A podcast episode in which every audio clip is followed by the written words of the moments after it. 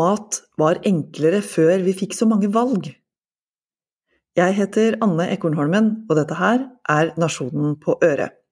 Jeg er politisk redaktør i avisa, og det er 14. februar i dag. Må kålrota alltid tape for mer sexy, eksotiske grønnsaker? Det har i alle fall skjedd store endringer i norske matvaner på de 30 åra stiftelsen Norsk Mat har eksistert. I 1994 flytta jeg til Bergen for å studere. Da var det ultramoderne å gå rundt med store pappkaffekopper på farta ute i byen. Det har nemlig ikke alltid vært vanlig. Friends drakk kaffen sin i sofaen på Central Perk.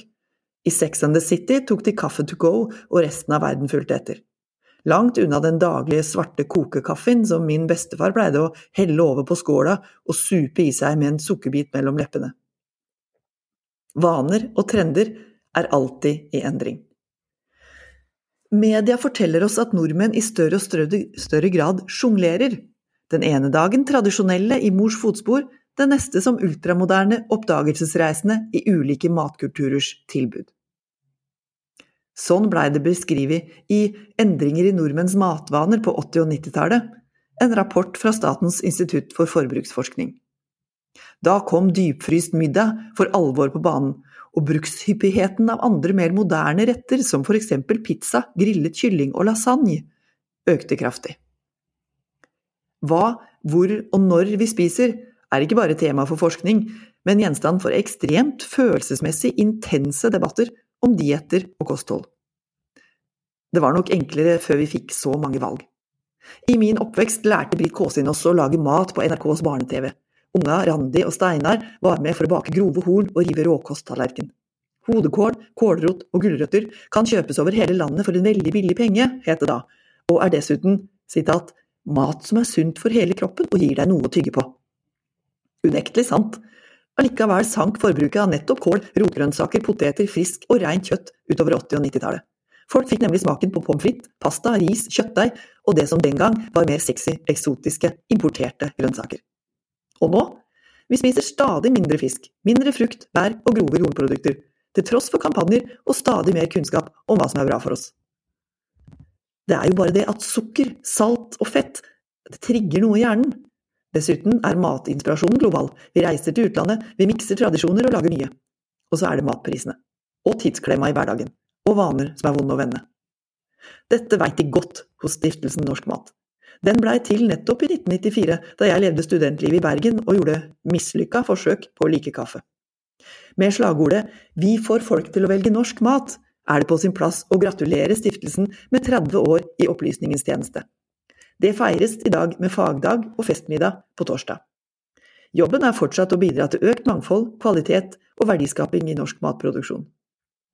Så har eh, norsk mat vært i hardt vær i det siste for å gi Tine dispensasjon til å bruke Nyt Norge-merket på yoghurt, sjøl om den inneholder 3% importert melkepulver fra Tyskland.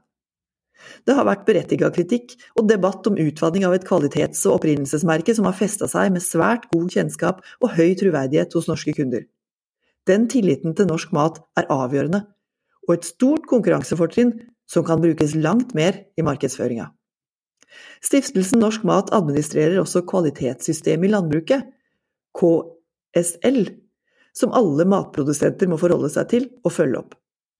Det skal sikre det gode omdømmet den norske bonden har og lever av. Nyt Norge-merket på over 5000 produkter skal vise hvilke varer i dagligvarebutikken som er hovedsakelig norske. Hvilken mat som er produsert med minimal bruk av plantevernmidler og medisiner, under regulerte arbeidsforhold og med verdens beste dyrevelferd. Det er matvarer med kort reisevei, men store ringvirkninger. Den gir arbeidsplasser og verdiskaping i hele landet. Velger du norsk, betyr det etterspørsel som skaper ei forutsigbar næring for bonden, og dermed bedre sjølforsyning. En gang besto nordmenns middag av poteter og sild, avløst av sild med poteter. Fortsatt vil mange ramse opp pinnekjøtt og fårikål, koteletter og kjøttkaker, rømmegrøt, ribbe, torsk og lutefisk hvis det blir spurt om norsk tradisjonsmat. Men norsk mat kan godt være tikka masala eller coq au vin, det er ikke nødvendigvis oppskriftene, men råvarene som bør være norske. Det kan gjerne være vegetarlasagne med norsk passinakk, sellerirot og persillerot, eller fish and chips med torsk og poteter fra Ringsaker. Mine besteforeldre spiste middag klokka ett. På tvers av generasjonenes endra matvaner og varierende spisemønster, vil det beste valget alltid være norske råvarer i sesong. Dyrka, bearbeida, pakka, distribuert og kjøpt der den skal brukes. Og så kan den som liker sånt, ta en importert kaffe ved siden av.